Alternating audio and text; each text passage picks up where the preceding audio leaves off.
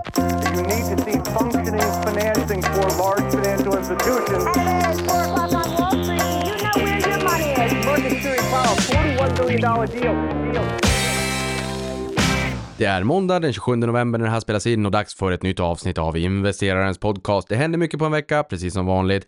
Förra veckan så fick vi räntepaus från Riksbanken efter åtta raka höjningar och en ISK-skatt som höjdes ganska markant. Det gäller ju naturligtvis även kapitalförsäkringen. Den fanns ju trots allt långt innan investeringssparkontot kom 2012. Tittar vi då på börsen så steg OMXS30 1,38% under veckan, vilket var exakt lika mycket som breda börsen. Och tittar jag på OMXSPI då, steg också 1,38%. Den som ger sig an på att hitta vinnaren på målfotot, ja, den hittar breda börsen som vann på fjärde decimalen. Och där har vi ju sett en tid nu att breda börsen faktiskt har pinnat på lite bättre än eh, än det mer smalare indexet som har haft väldigt bra med fart under galoscherna, men nu tappat lite grann till förmån för en lite bredare uppgång, vilket är härligt. Det är det man också vill se. Men tittar vi i USA på S&P 500 så är det ju de sju Magnificent Seven som man pratar väldigt mycket om som har drivit en stor del av uppgången. Resten av de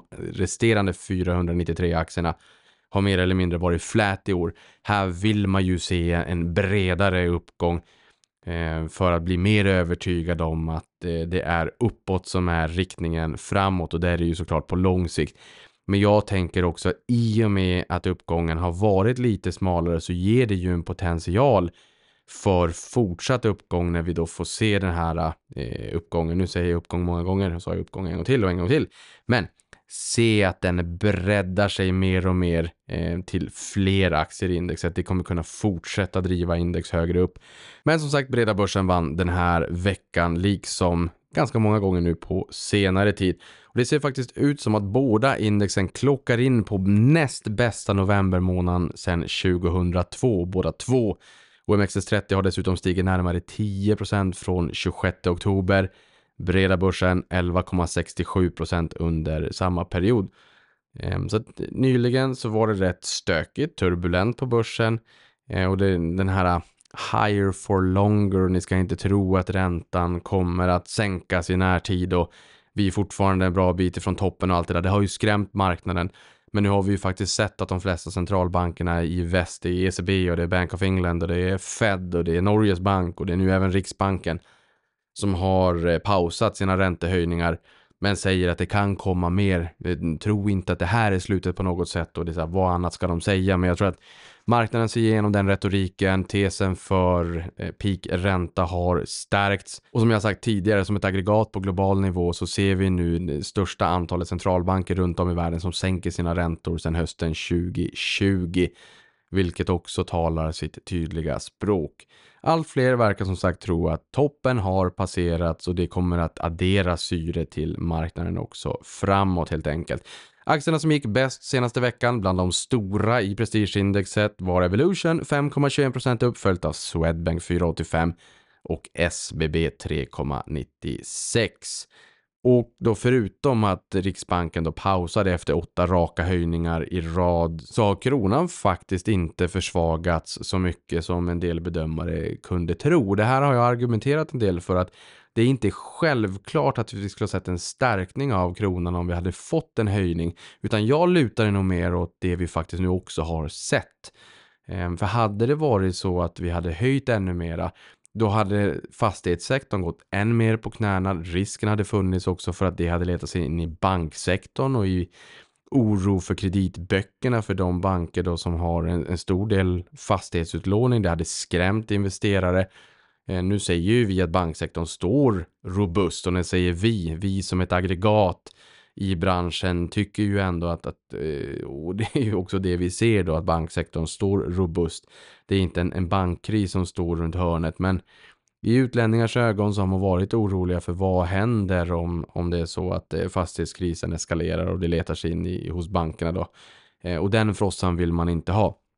Jag menar, det är bara att titta på Silicon Valley Bank här i början på mars i år nu var det ju av helt andra skäl såklart att man hade kort inlåning och, och, och eh, långa placeringar av de här pengarna. Så att det vart lite jobbigt när folk ville ha ut sina pengar och funderade på varför ska jag ha de här insatta på banken när jag får en högre avkastning genom att köpa US Treasuries.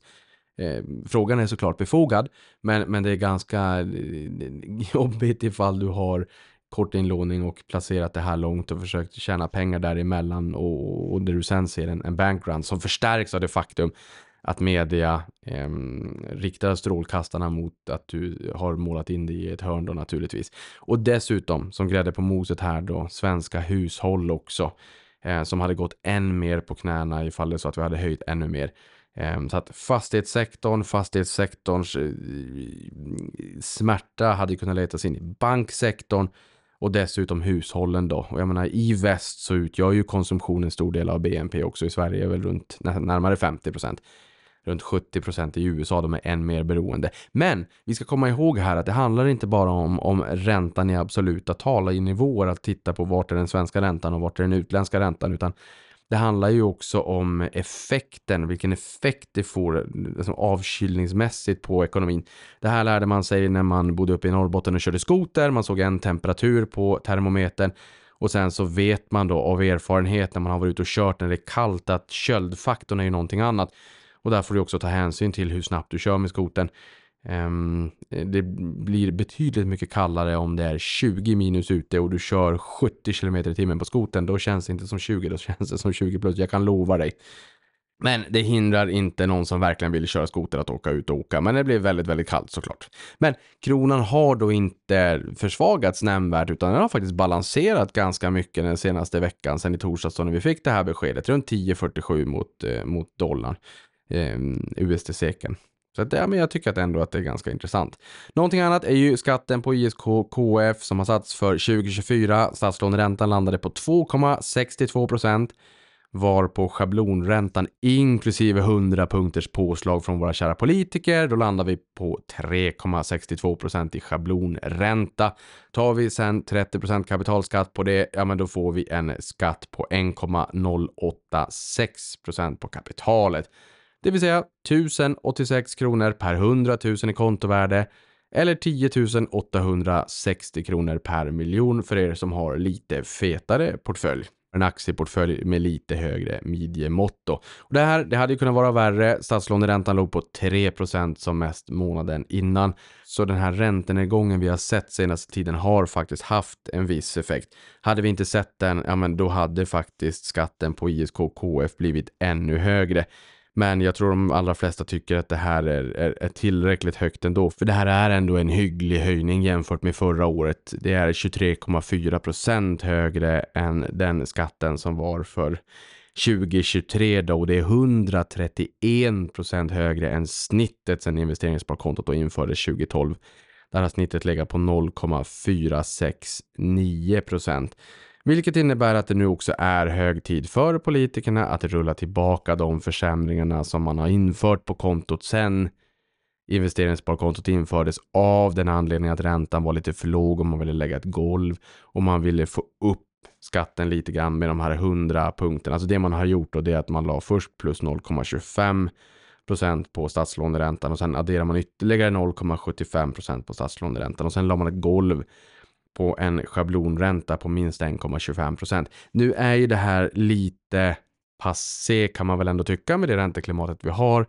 Så att nu är det faktiskt bra tid för politikerna att rulla tillbaka det här eh, och dessutom följa det man då sa i tidavtalet. Eh, så att, eh, men, jag tror att många väntar på det och jag tror att många skulle bli väldigt glada ifall man också levererar på det man har eh, sagt helt enkelt. På noteringsfronten hittar vi Gosol Energy Group som noteras på Spotlight med första handelsdagen den 28 november.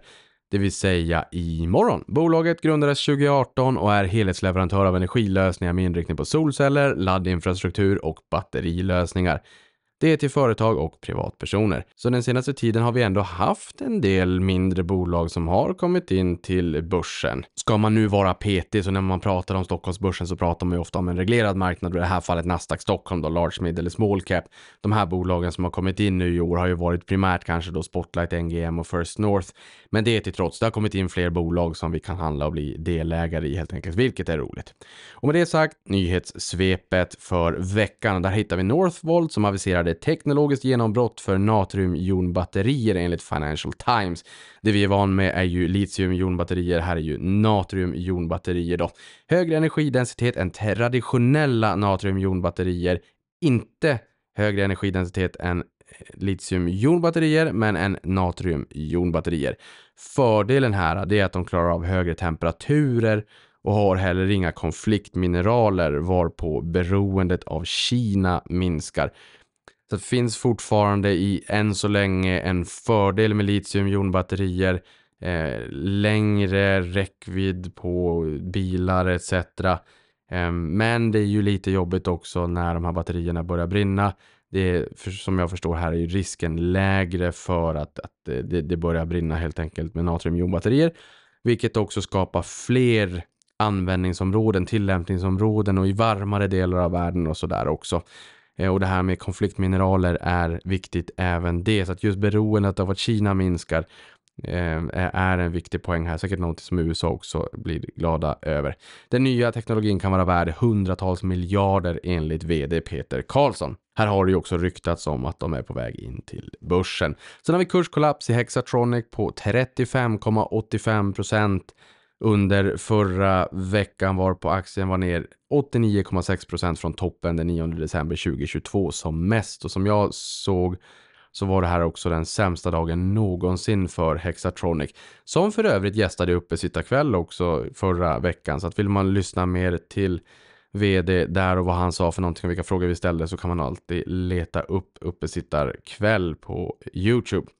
Bolaget sänkte utsikterna på kort sikt och bedömer att sekventiell organisk försäljningstillväxt bromsar in i Q4 samt att ebita-marginalen exklusive omstruktureringskostnader kommer uppgå till 12 till 14 procent för andra halvåret i år jämfört med tidigare bedömning om 15 till 17 procent. Så att väsentligt lägre marginaler, inbromsad försäljningstillväxt och lägre marginaler det blir en dubbeleffekt, det blir inte mumma, det blir ner på aktien och det är också det vi såg. Kostnadsbesparingsprogrammet tros kunna ge en årlig besparing på 90 miljoner kronor och här ska vi ju lägga till att det här var andra vinstvarningen på två månader. Vi hade här om året där man gjorde omvända vinstvarningar varje kvartal och man var den aktien som steg mest på börsen med en uppgång på 557 procent under 2021, vilket gjorde att det var den bästa aktien på hela Stockholmsbörsen. Och man lyckades även under ett års tid kabla ut en omvänd vinstvarning varje kvartal. Men nu som sagt, vinstvarningar, traditionella sådana, tråkiga. Det är lite upp som en sol och sen har man kommit ner rejält mycket. Så två vinstvarningar i, i, i rad på kort tid. Sen har vi Nvidia som slog högt ställda förväntningar i samband med sin rapport. Intäkterna steg 206% year on year. Bruttomarginalen stärktes 1890 punkter och rörelseresultatet 652% non-gap, vilket gav en fin vinsttillväxt om 588% efter skatt. Dessutom var det rekordintäkter från datacenter med en tillväxt på 279 procent och aktien hade fram till rapporten stigit 242 procent year on year. Här var det också lite oro för Kina och de exportrestriktioner som man nu ytterligare har infört från USA. Man vill ju se till att få fram chip då som är begränsade återigen som man kan skeppa över till Kina. Och här sa man citat Nvidia GPUs, CPUs, Networking, AI, Foundry Services and Nvidia AI Enterprise Software are all growth engines in full throttle. The era of generative AI is taking off. Slutcitat, vd Jensen Huang. Den som köpte aktien när han sa de bevingade orden i våra citat. This is the iPhone moment if you will of artificial intelligence. Slutcitat. Har blivit rikligt belönad då aktien dubblades efterföljande halvår. Och sen botten i höstas har den stigit 365 procent. Och det har ju varit en AI-hype. Sen kan man ju fundera på om det är en bubbla eller inte, men trenden är rimligtvis här för att stanna. Teknologin är väldigt spännande så det är väl värt att eh, hålla koll på den. Sen har vi H&M Stefan Persson som har tagit en stek i svenska brasserier, ägarbolaget bakom bland annat Rish och Sturehof. Efter det här äger han 4,2 av aktierna via Ramsbury och bolaget har tidigare då sagt, alltså svenska brasserier, att man ser en börsnotering framför sig. Så sitter du på Rish eller Sturehof så kan du tänka att Stefan Persson i H&M har en liten stek i de kulorna du omsätter där. Sen har vi Evolution som inleder återköp av aktier om maximalt 400 miljoner euro, alltså motsvarande 4,57 miljarder kronor. Det här enligt ett bemyndigande då från årsstämman i år 2023 som gäller fram till årsstämman nästa år. Och i förra avsnittet så kommenterade ju det faktum också att vd köpte aktier för 100 miljoner. Förra gången han gjorde det så var det perfekt delikat timing. Vi får se om så också är fallet den här gången. Sen har vi Atlas Copcos vd Mats Ramström som lämnar bolaget nästa år efter nästan 35 år i koncernen, varav sju nästan då som vd för denna kronjuvel. Avser att fortsätta jobba med styrelsearbete och rådgivande roller inom industrin då. Och är du nyfiken på bolaget så kan du spana in i katalogen här äh, för att hitta avsnittet där Mats gästade mig i podden. Sist men inte minst, Tesla stämmer svenska staten genom Transportstyrelsen eftersom de inte får tillgång till registreringsskyltar till nya bilar. Fortsättningen på det här blir rimligtvis väldigt, väldigt intressant att följa. Kan det vara så att svensk fackrörelse har gjort ett övertramp eller är det fortsatt den svenska modellen som gäller? Upp till bevis. Det här blir väldigt, väldigt spännande att följa. Och med de orden, stort tack för den här veckan. Vi hörs igen nästa vecka. Tills dess, avkastning på dig. Tack för att du lyssnade på det här.